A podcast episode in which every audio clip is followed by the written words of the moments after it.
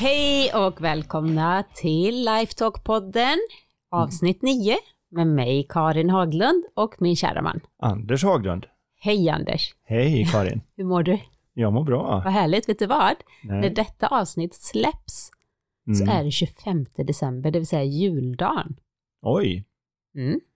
det blir lite spännande nu då eftersom eh, som vanligt så vet ju jag då inte om vilka frågor som kommer. Så jag skulle vilja nämna det för er som lyssnar att om ni vill ha era frågor besvarade här på podden så skickar ni det till karin at lifevision.se därför att tanken är att jag inte har någon aning om vad frågan är. Så jag kan komma ny och fräsch in i tankarna så att vi lär oss något av vad som kommer fram samtidigt som ni lär er. Precis. Men ni kan också gå in på lifetalkpodden.se. Där är det jätteenkelt att skriva sin fråga och skicka in. Och då dimper de ner i min inkorg. Så gör som så, nu här i mellandagarna, ni har all tid i världen, ställ frågor. Det är så himla roligt när jag får in frågor från er och det gör podden så levande för att det här handlar ju om det som ni vill ha svar på och som jag vill ha svar på. Jag tycker det är jätteintressanta svar och frågor. Mm. Vi får se hur det går den här gången då när vi eh, tar de frågor som Men vi har får kommit säga in. god jul till alla. Ja, det måste vi göra eh, i dessa annorlunda tider där vi kanske inte kan samlas på samma sätt som vanligt. Vi har Eh, blivit väldigt digitaliserade det här året. Ja, jag vet inte om man kan liksom ta eh, julklapparna via Zoom riktigt, men eh, Nej, men så fick det bli. så fick det bli. Mm. Och är man nära nog så kanske man kan göra en julpromenad tillsammans med nära och kära och vara ute i friska luften och eh, vandra omkring så att man kanske får träffas även om man måste och hålla någon meter sig, emellan. Det tycker jag är bra med. Kanske man ska ha med gröna smoothies istället för glögg. Såklart att du skulle Om säga jag får det. bestämma. Ja, just det. Med mycket grönkål och... Eller raw food pepparkakor. Ja, men grönkål är ju juligt. Mm.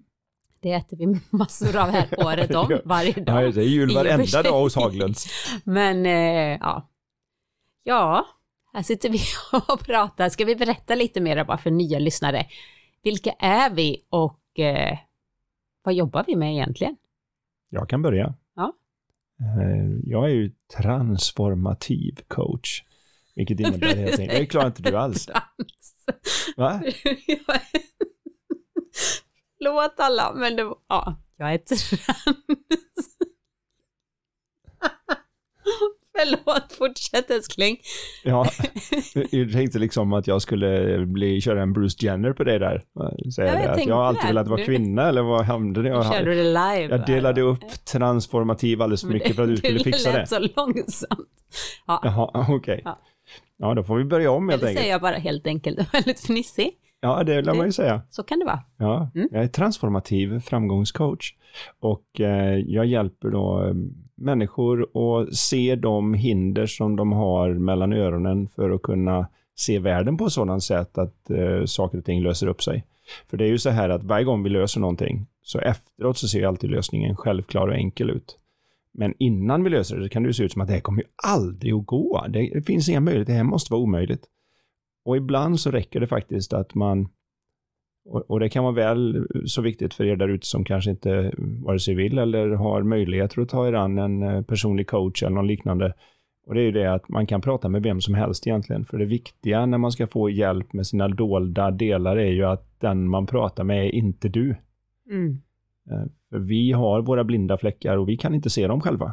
Det är per definition så att vårat undermedvetna till exempel kan vi inte vara medvetna om. Men andra kan se sånt vi gör undermedvetet.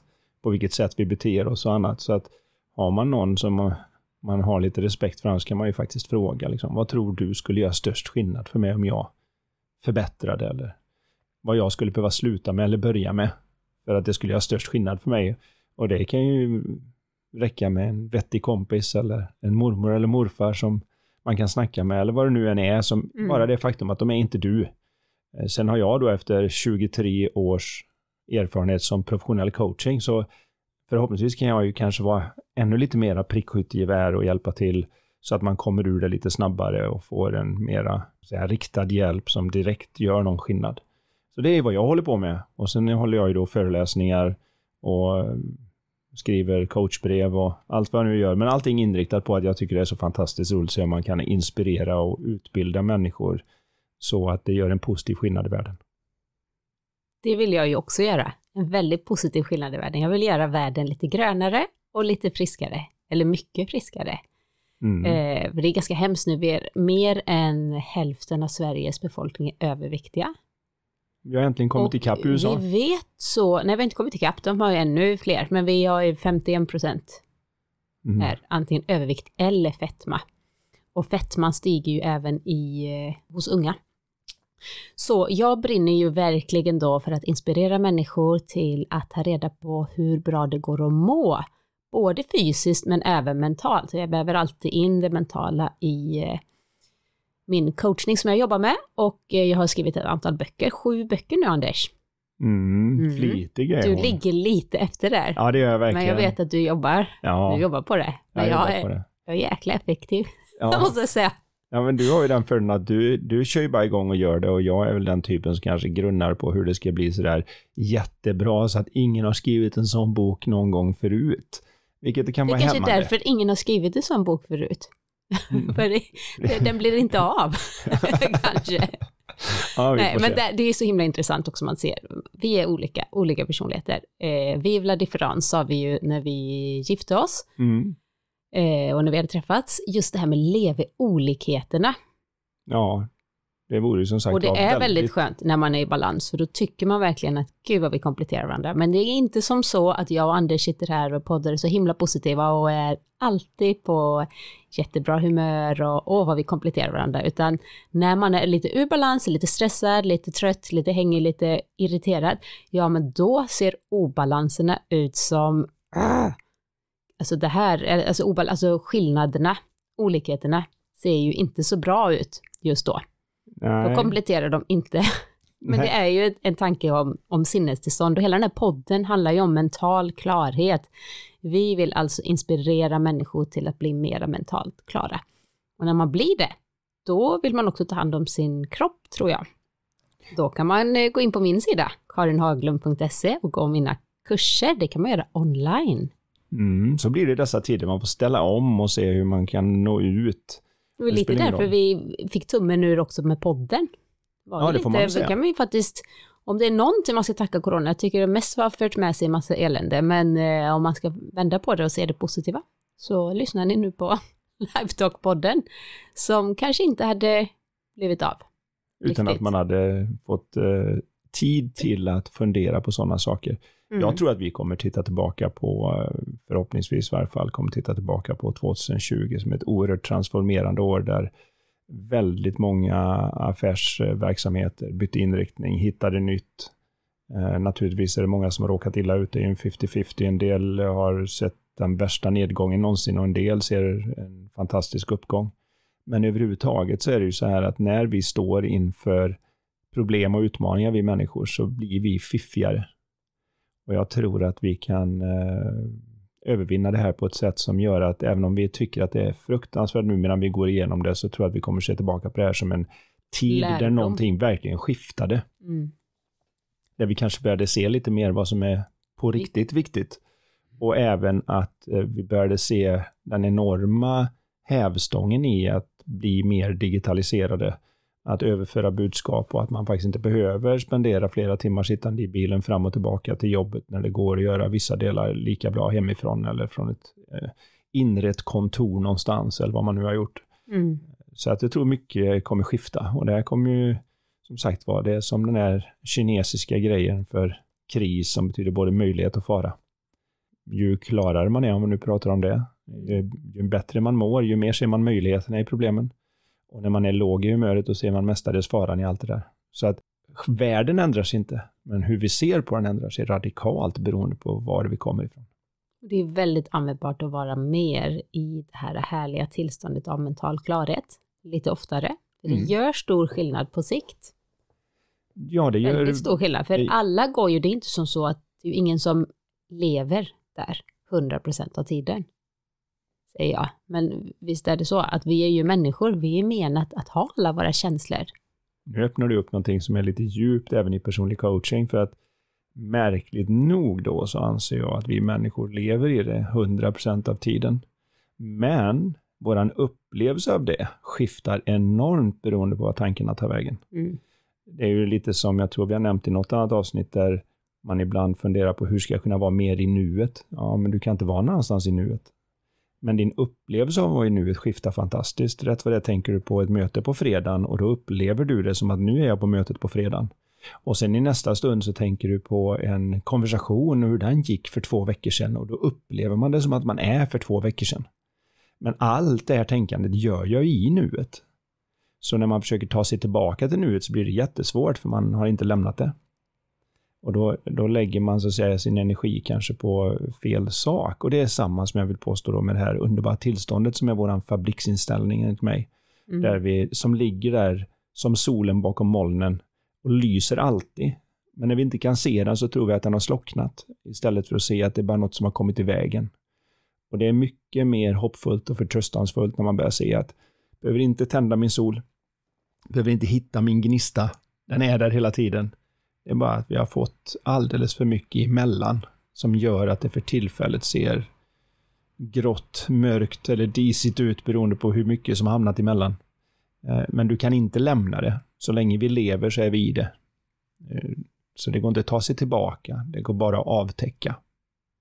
Då hoppas vi nu här att vi, våran podd och att lyssna på oss här idag hjälper dig att avteckna lite, skingra lite moln helt enkelt. Ja, kanske komma så långt bak att eh, man hittar lite av den där Kanske bli klar, klar på himmel. livskraften som var innan man ens fick ett namn. Man inte hade några problem med att man gick upp och ner i humöret. Barn är så fantastiska på det. De skriker ena stunden och så går det några sekunder och sen så tänker inte de mer på det. Då kan de vara lika glada igen. Vi har ju en tendens att, om vi skriker och sen blir glada och tänker ja men nu lever jag alltid i förnekelse. Man kan inte vara så här glad när det händer något sånt. Jag hade ju ont för en stund sedan. Medan barn ger sig inte in där. Och det gör att de inte får så mycket moln framför solen eftersom de inte fortsätter att grunna på det utan bara går tillbaka till att japp, så det slår dem inte ens att börja göra en analys av det. Utan man går bara vidare. Och det, det låter ju som värsta klyschan men i den mån man kan se att det faktiskt är så det funkar så blir det enkelt. Mm.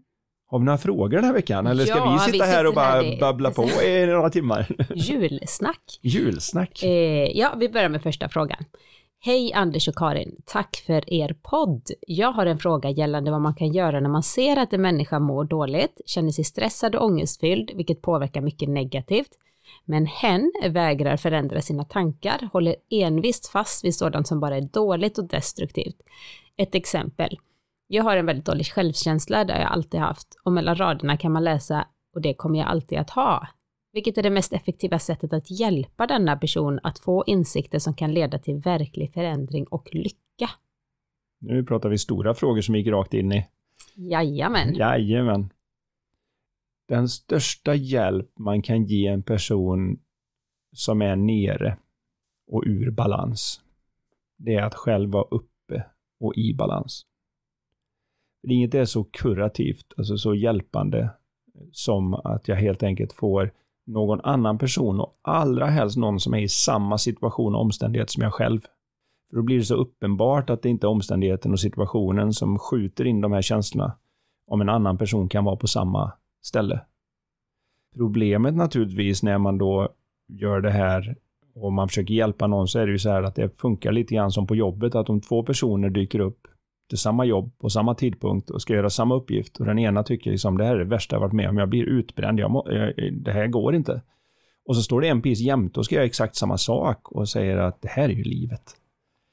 Då är tendensen att den som har det jobbigt med det här kommer titta på den personen jämte och inte se det som att hmm, undrar vad det är jag missar här som de ser som gör att de har en sån härlig upplevelse av samma sak.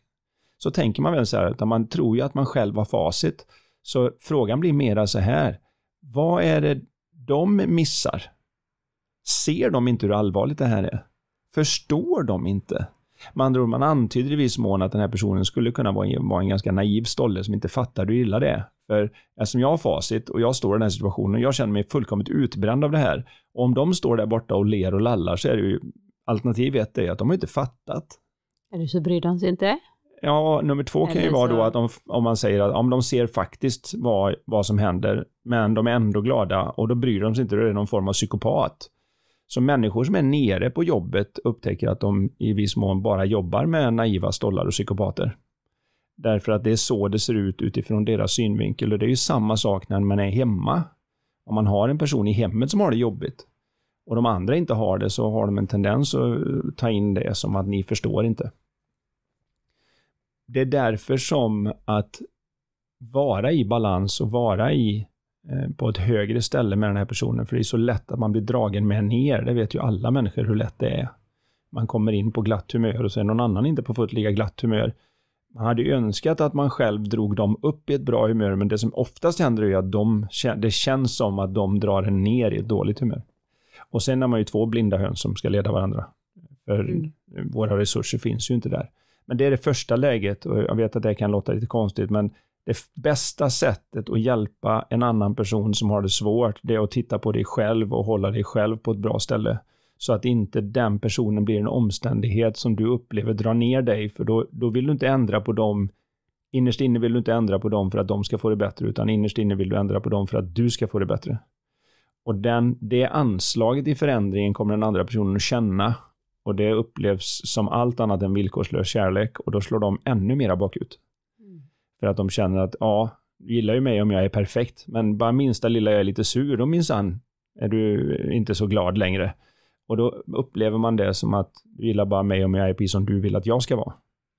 Så den första delen i det här är att när man ser ett problem i världen runt sig, titta på dig själv först. Eh, Det är, det är den första.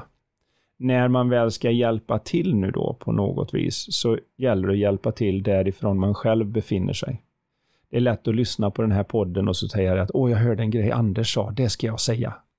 Man gör ett recept av det liksom. Att han sa de här orden i den här ordningen till någon klient han nämnde och det gjorde skillnad, så nu ska jag gå och säga det till den här personen som har jobbet. Men då kommer det inte från hjärtat och det kommer inte från vad du själv förstår. Så det är mycket mer hjälpsamt för den personen att säga vad de själva känner skulle göra skillnad. Eh, med en äkta omtanke.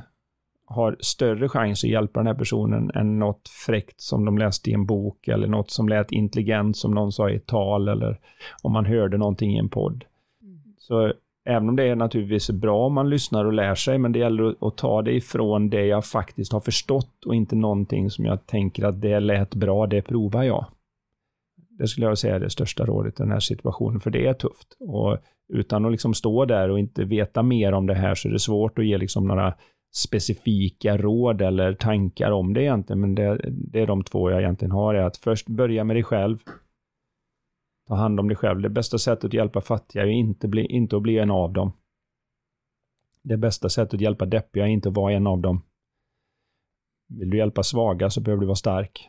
Så när man är i den sitsen så det, det är lite som den här gamla klyschan man har på om flygplanet, liksom, att om, om trycket sjunker i kabinen, ta på din egen mask först innan du assisterar andra. För hinner du bli svag i det, i det här, vem det nu är som frågar, blir man svag i den här situationen själv, då har jag inga resurser att dela med mig av. Om jag inte står på en högre nivå så har jag svårt att lyfta upp någon annan. Så det, det är den stora grejen. Och, och till, ta en titt i den riktningen. Det är så lätt att tänka, vad ska jag göra för att hjälpa den här personen? Istället för att se att nej, gå och jobba på mig. Mm. Dina styrkor kan lösa allt som det är ett problem med. Jag gjorde det med en golfare faktiskt, som, eftersom jag själv kom från golftouren. Han kom till mig och sa att han hade väldiga problem med sina utslag, alltså när man slår det första slaget med den längsta klubba i bagen för alla er som inte spelar golf då. De tyckte han liksom att får jag ordning på dem då blir allting bättre. Och så frågade jag liksom, men vad, vad, vad är det roligaste du vet då? Och då sa han, jag gillar att slå bunkerslag. Det där som ni som inte spelar golf är den lilla sandlådan där ute någonstans. Eh, det tycker jag är roligt. Och så sa men gå och slå bunkerslag i två dagar då. Ja, men du skulle hjälpa mig med utslagen, jag har ju mentala problem med det här, jag skickar dem åt alla håll. Alltså, gå och slå bunkerslag i två dagar. Och så när han slått bunkerslag i två dagar så plötsligt så funkar drivarna också. Därför att, därför att vad det handlar om är ju inte att han har ett teknikfel allt som oftast, utan vad som händer med någon som har tränat på en sak och är duktiga på det, det är ju att det som skiljer är inte att man tappar tekniken, utan det som skiljer är att man tappar sinnestillståndet. Man är så tight, man är så nere, man är så Spänd. ja, och frustrerad och angelägen. Alltså man, man försöker för mycket helt enkelt. Och när han gick tillbaka och lekte med bunkerslagen och tyckte det här är roligt och när man kan få upp den och den ska studsa så här och ska man göra så här. När han hittade lite av den där lite mera glädjen, ja då öppnade sig hans verktygslåda så att han kunde ta hand om att hitta tillbaka. Det är det som en riktigt bra coach gör var som helst egentligen. En basketbollcoach eller så förstår ju att om man plötsligt ingenting går i korgen, folk springer omkring som yra höns, följer inte taktiken, så är det ju inte för att de inte fattar taktik eller att de inte har tekniken. Det är, det är ju inte därför. De har ju kanske tränat basket i 15-20 år.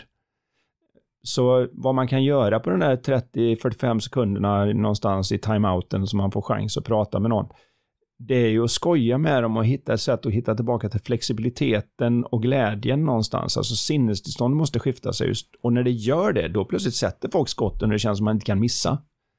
Så vad vi, vad vi gör är att vi går så ofta in i beteendeförändring direkt istället för att se att beroende på var vi befinner mig så skiljer mitt beteende sig ganska starkt åt.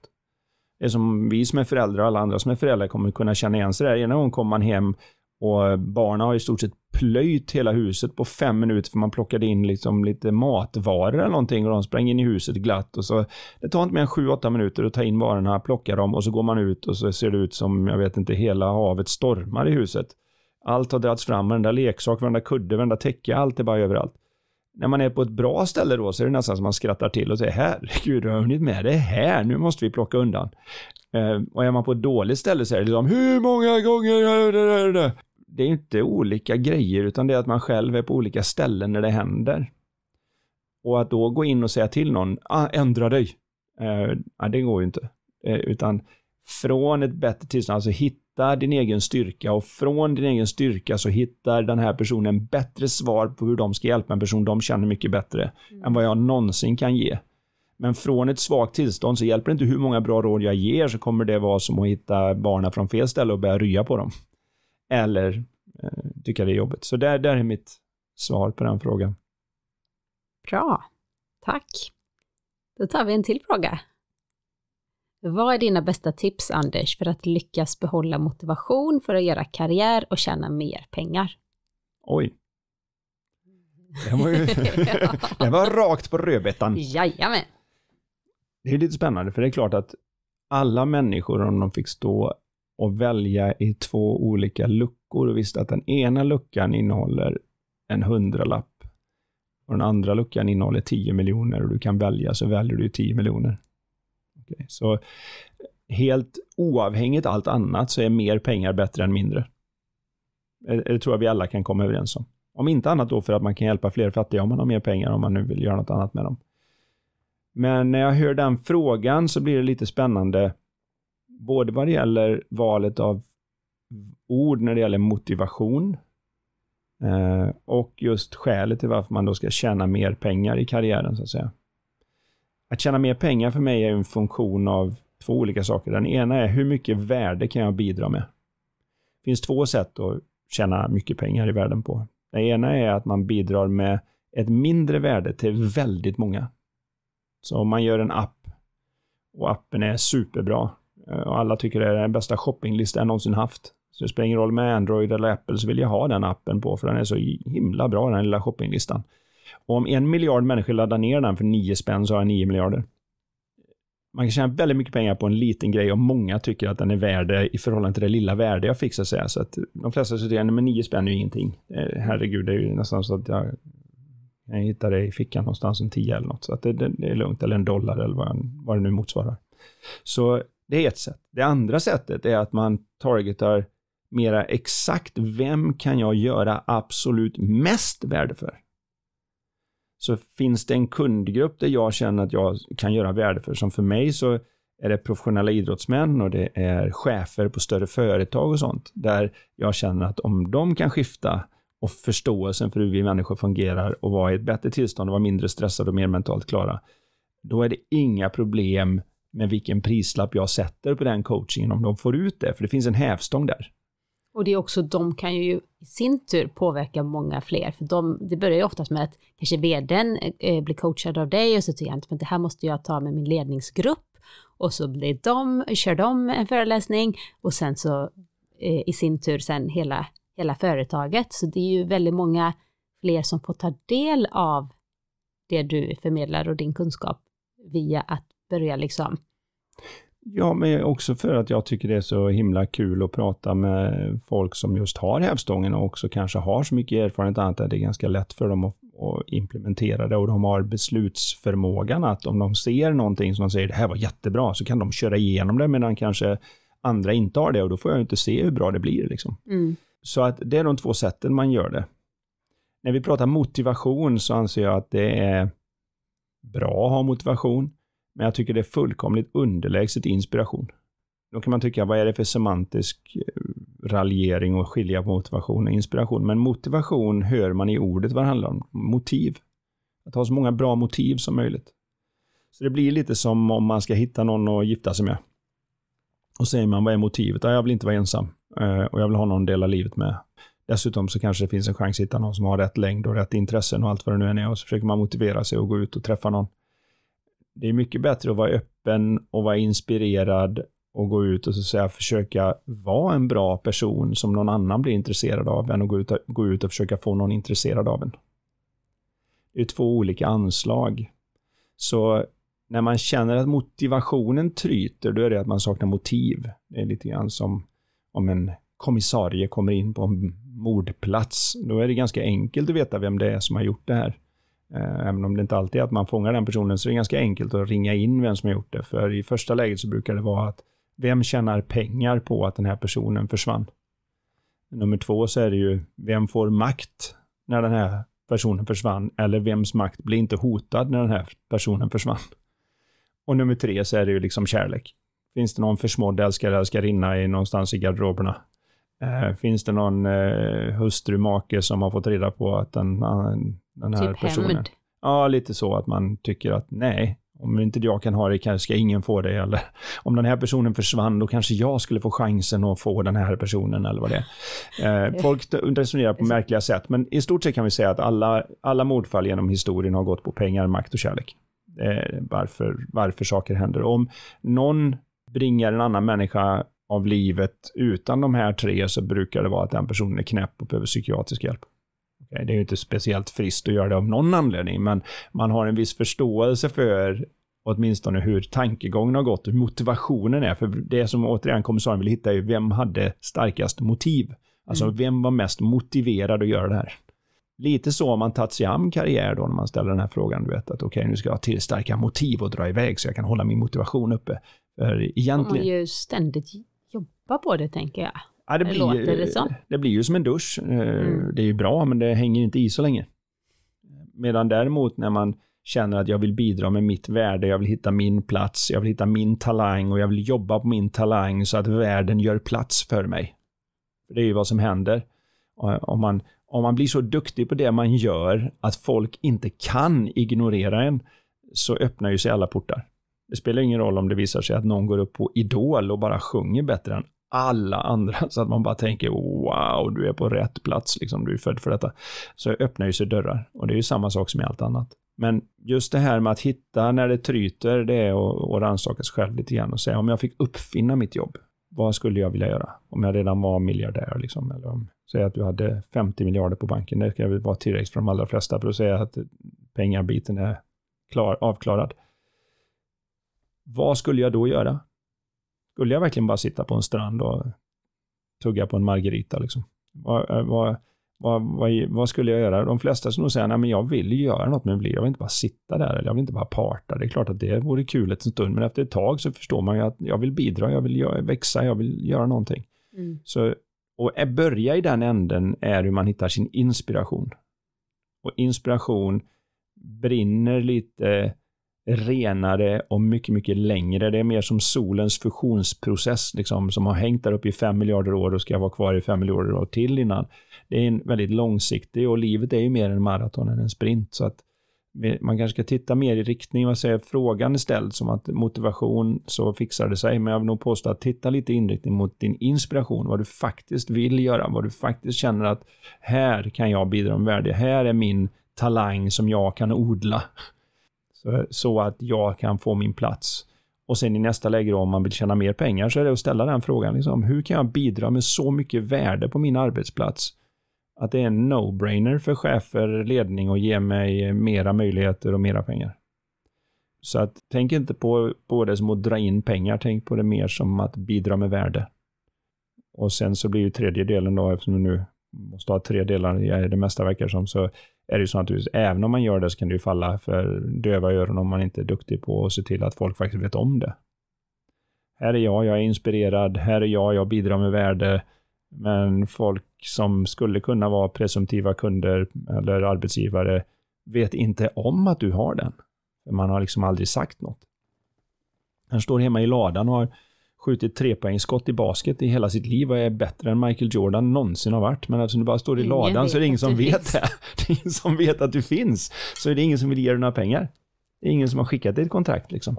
Så... Timma upp det med bra människor, tänker jag, som är bra på det de är. Så man behöver veta vad är sina egna styrkor och, vad, och så hela tiden jobba på sig själv, så man blir ännu bättre. Eh, men man behöver också veta vad svagheten är. Mm. Så att man dels kan jobba på det, men också timma ihop sig med människor som är grymma på de sakerna som du själv inte är lika bra på. Jag skulle vilja uttrycka det lite annorlunda än svagheter. Jag skulle vilja uttrycka det som sånt jag inte är fullt lika passionerad, passionerad och inspirerad över. Jag ser det inte som en svaghet, för förmodligen så skulle man ju kunna bli bra på den där om man bara tyckte att det var något. Då kan vi slänga ut det här i podden. Jag och Anders älskar ju att podda.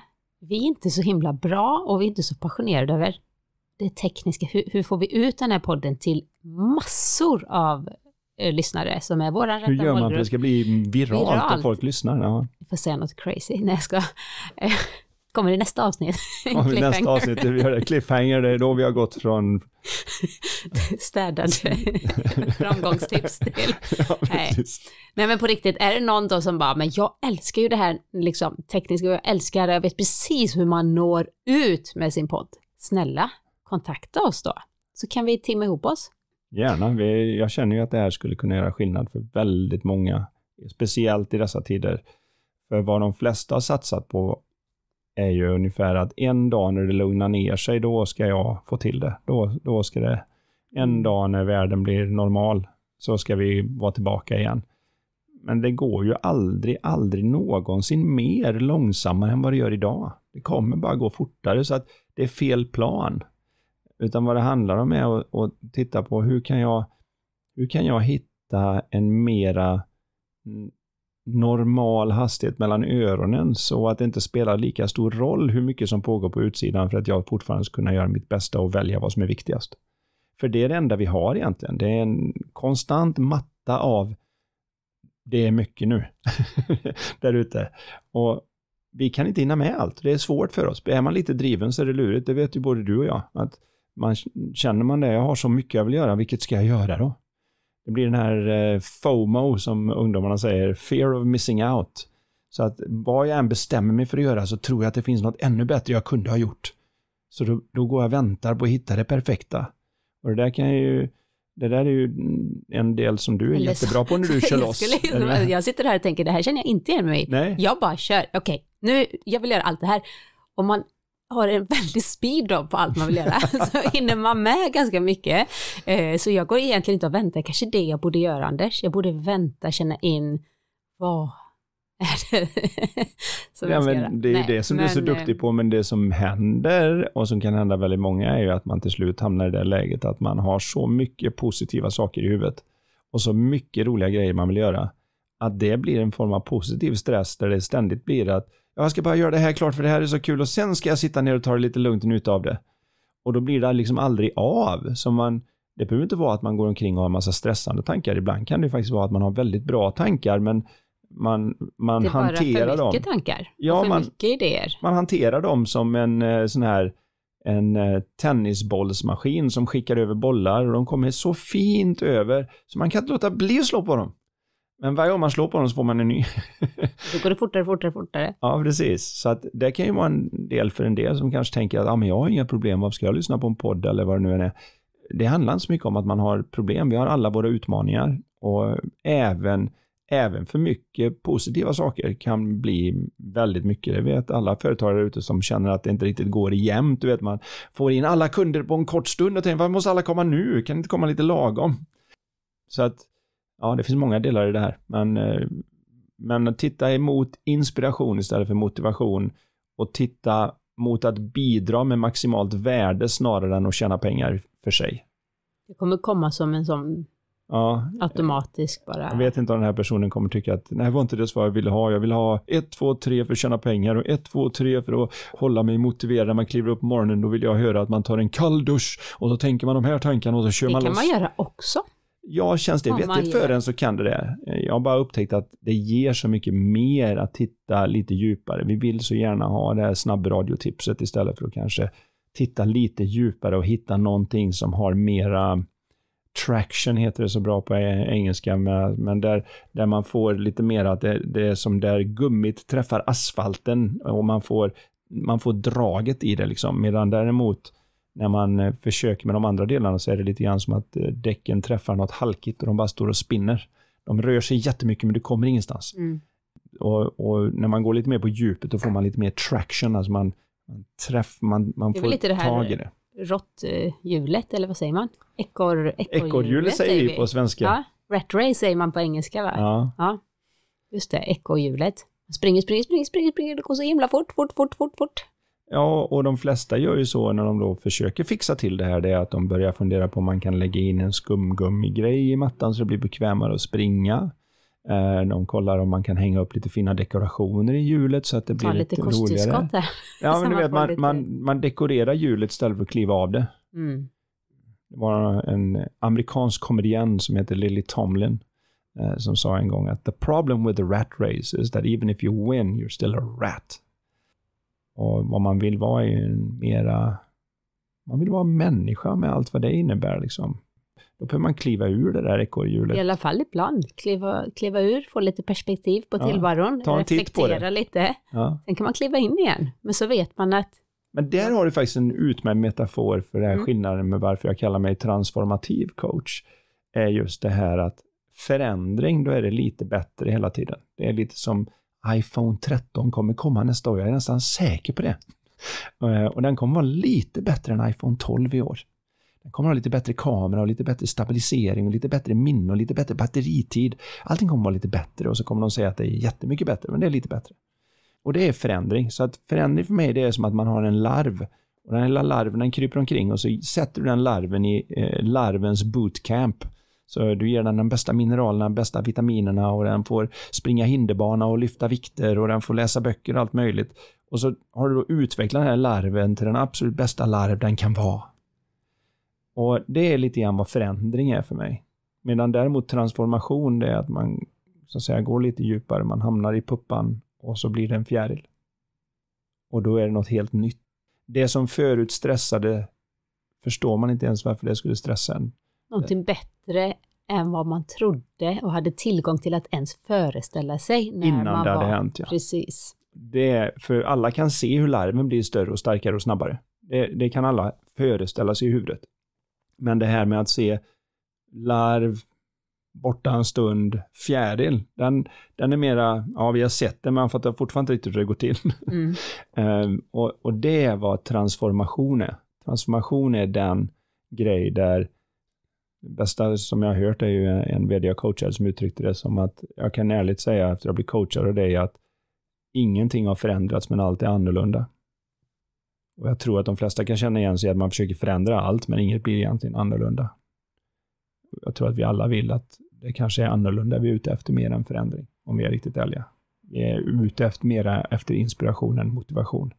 Vi är ute efter egentligen att bidra med så mycket av värde att folk är villiga att ge oss pengar än att bara tjäna pengar.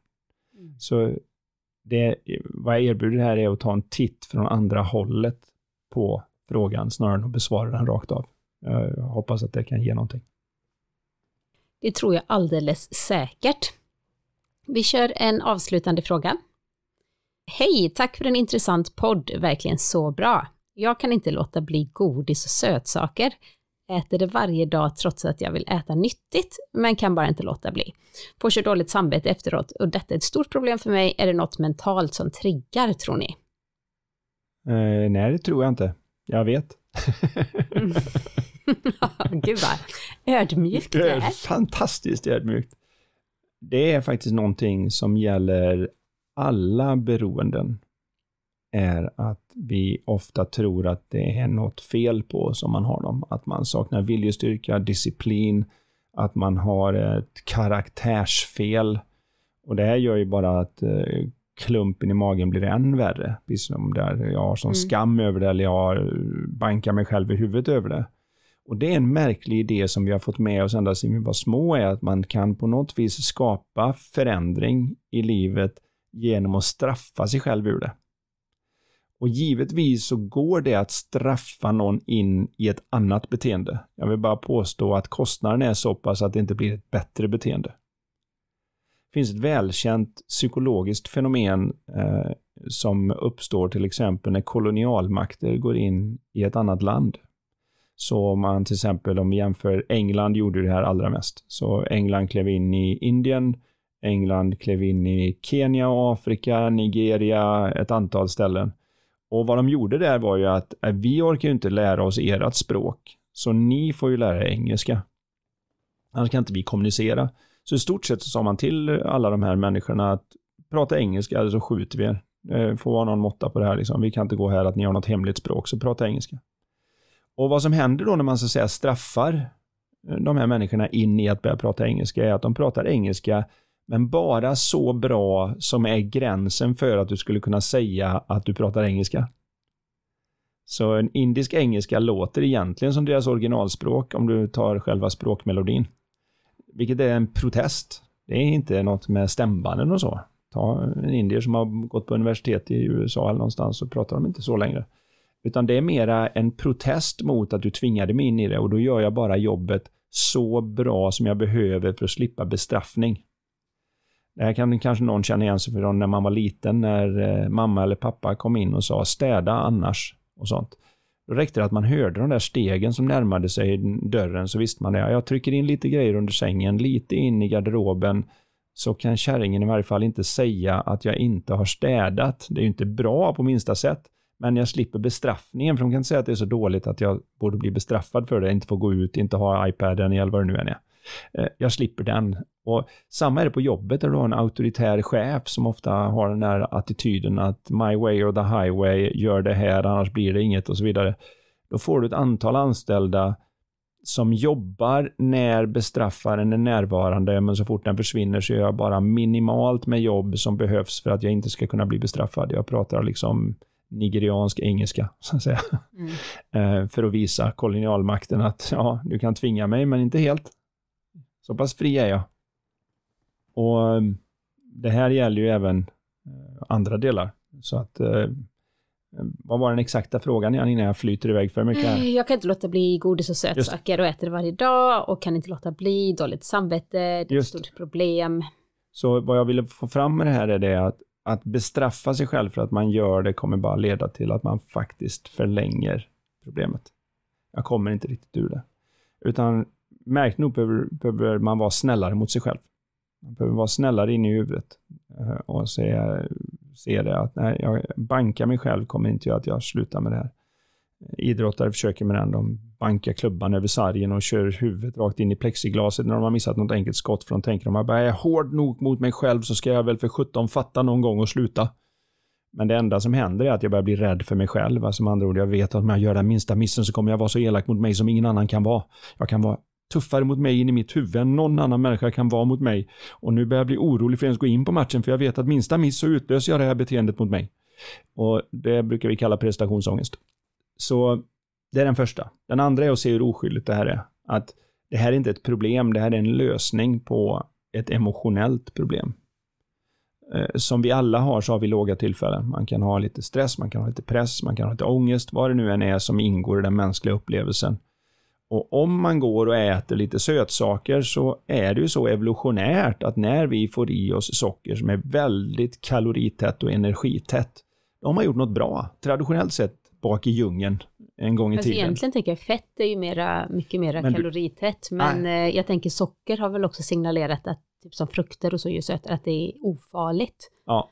Eh, så det, det signalerar ju med våran eh, hjärna att nu har du gjort något bra. Du Ja. kommer överleva imorgon också. Precis. Du har tuggat i dig tillräckligt här. det. För, kan du hitta det här flera dagar i rad kan du klara hela vintern. Så, så det här är det här ligger i det, så när jag väl äter det här nu så får jag oftast en liten uts, utsöndring av dopamin i hjärnan. Dopaminet i hjärnan gör att nu, man kan känna efter att man har ätit att man säger nu mår man gött du.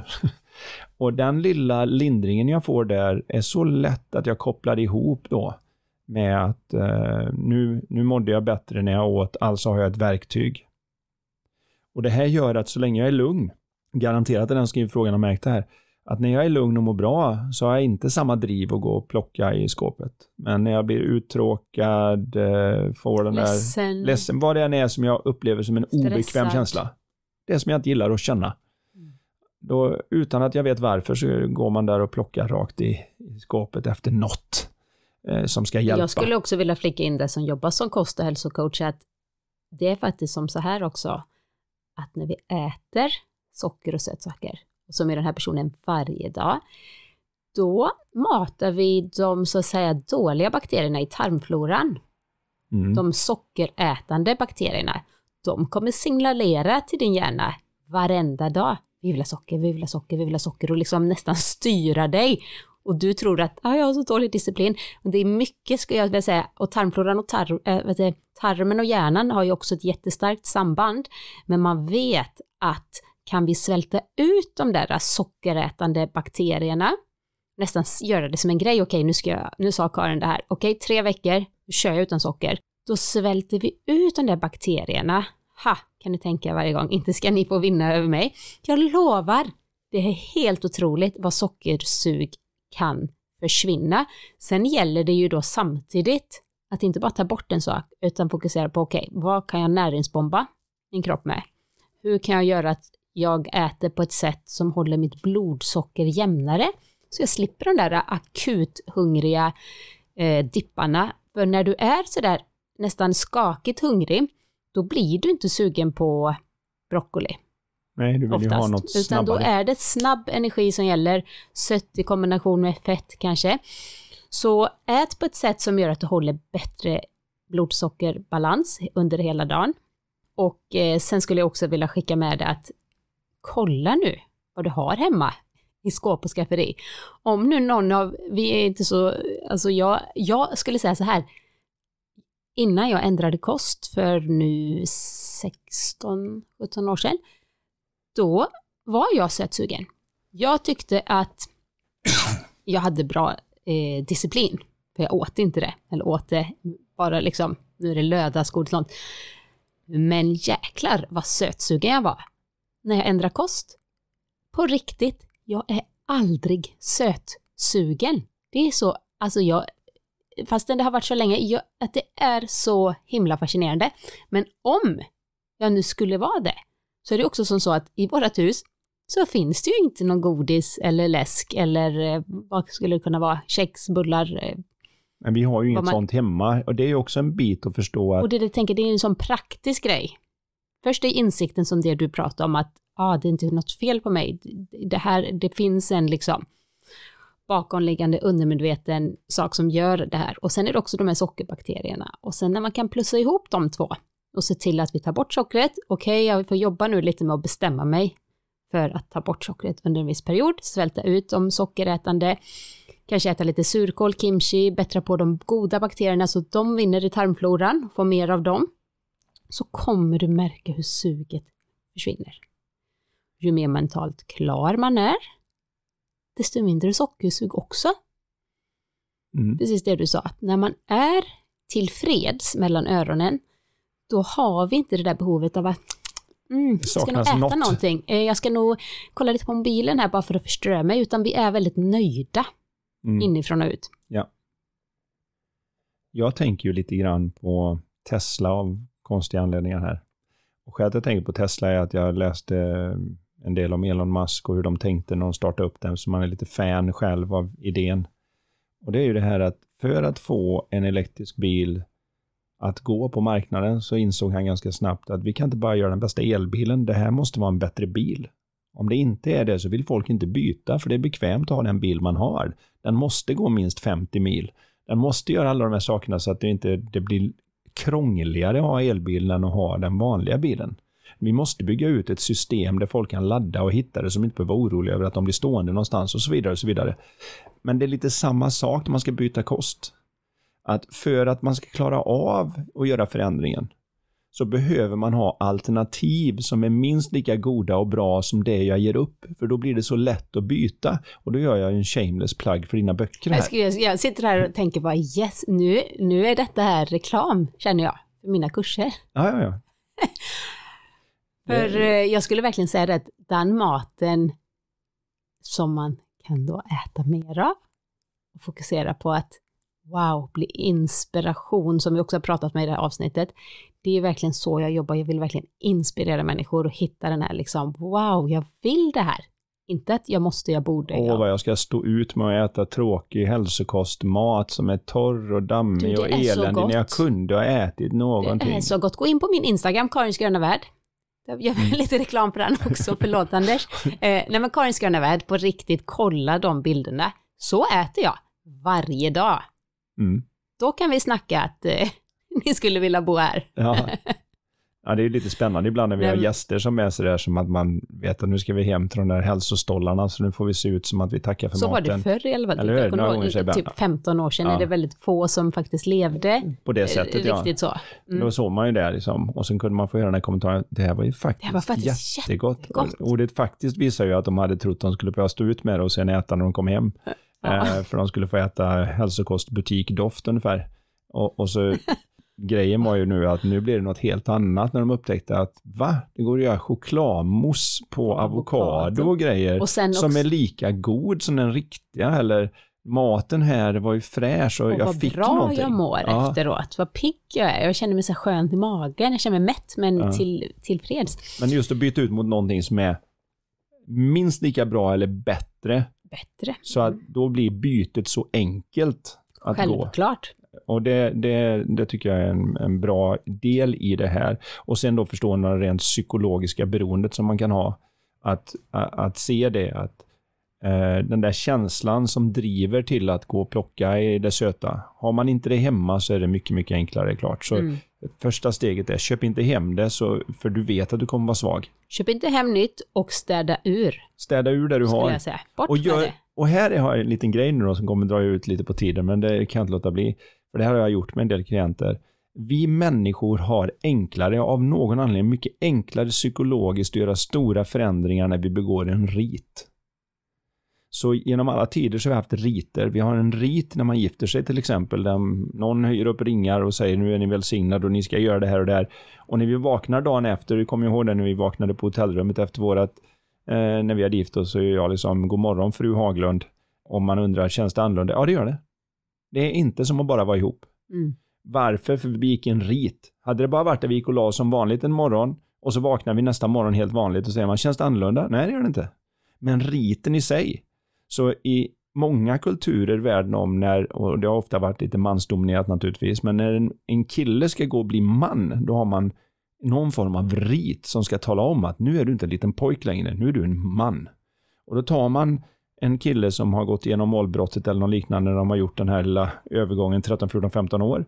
Och så rövar de äldre bort dem och tar ut dem i skogen och ger dem någon form av alkohol eller psykofarmaka, stoppar upp dem på ett trä, pötter dem ut för ett stup med någon lian runt fötterna, eh, skär av lite, snippar av några delar av anatomin på dem så de bokstavligen går annorlunda när de kommer tillbaka till byn. Och nu behandlar alla dem som att du var pojke igår men du är man idag. Det hade inte funkat om man bara sa det, igår var du pojk, idag är du man. Vi är Hade i och för sig kunnat kanske ha ett trevligare rit. Ja, men om någon Men- annan så blir det lite nollning som i Mm. universitet och allting när man gör nollningsuppdrag. Men vad jag säger är att jag har haft det här att när hon, om hon nu hör detta eller så, säger att... eh, Hon.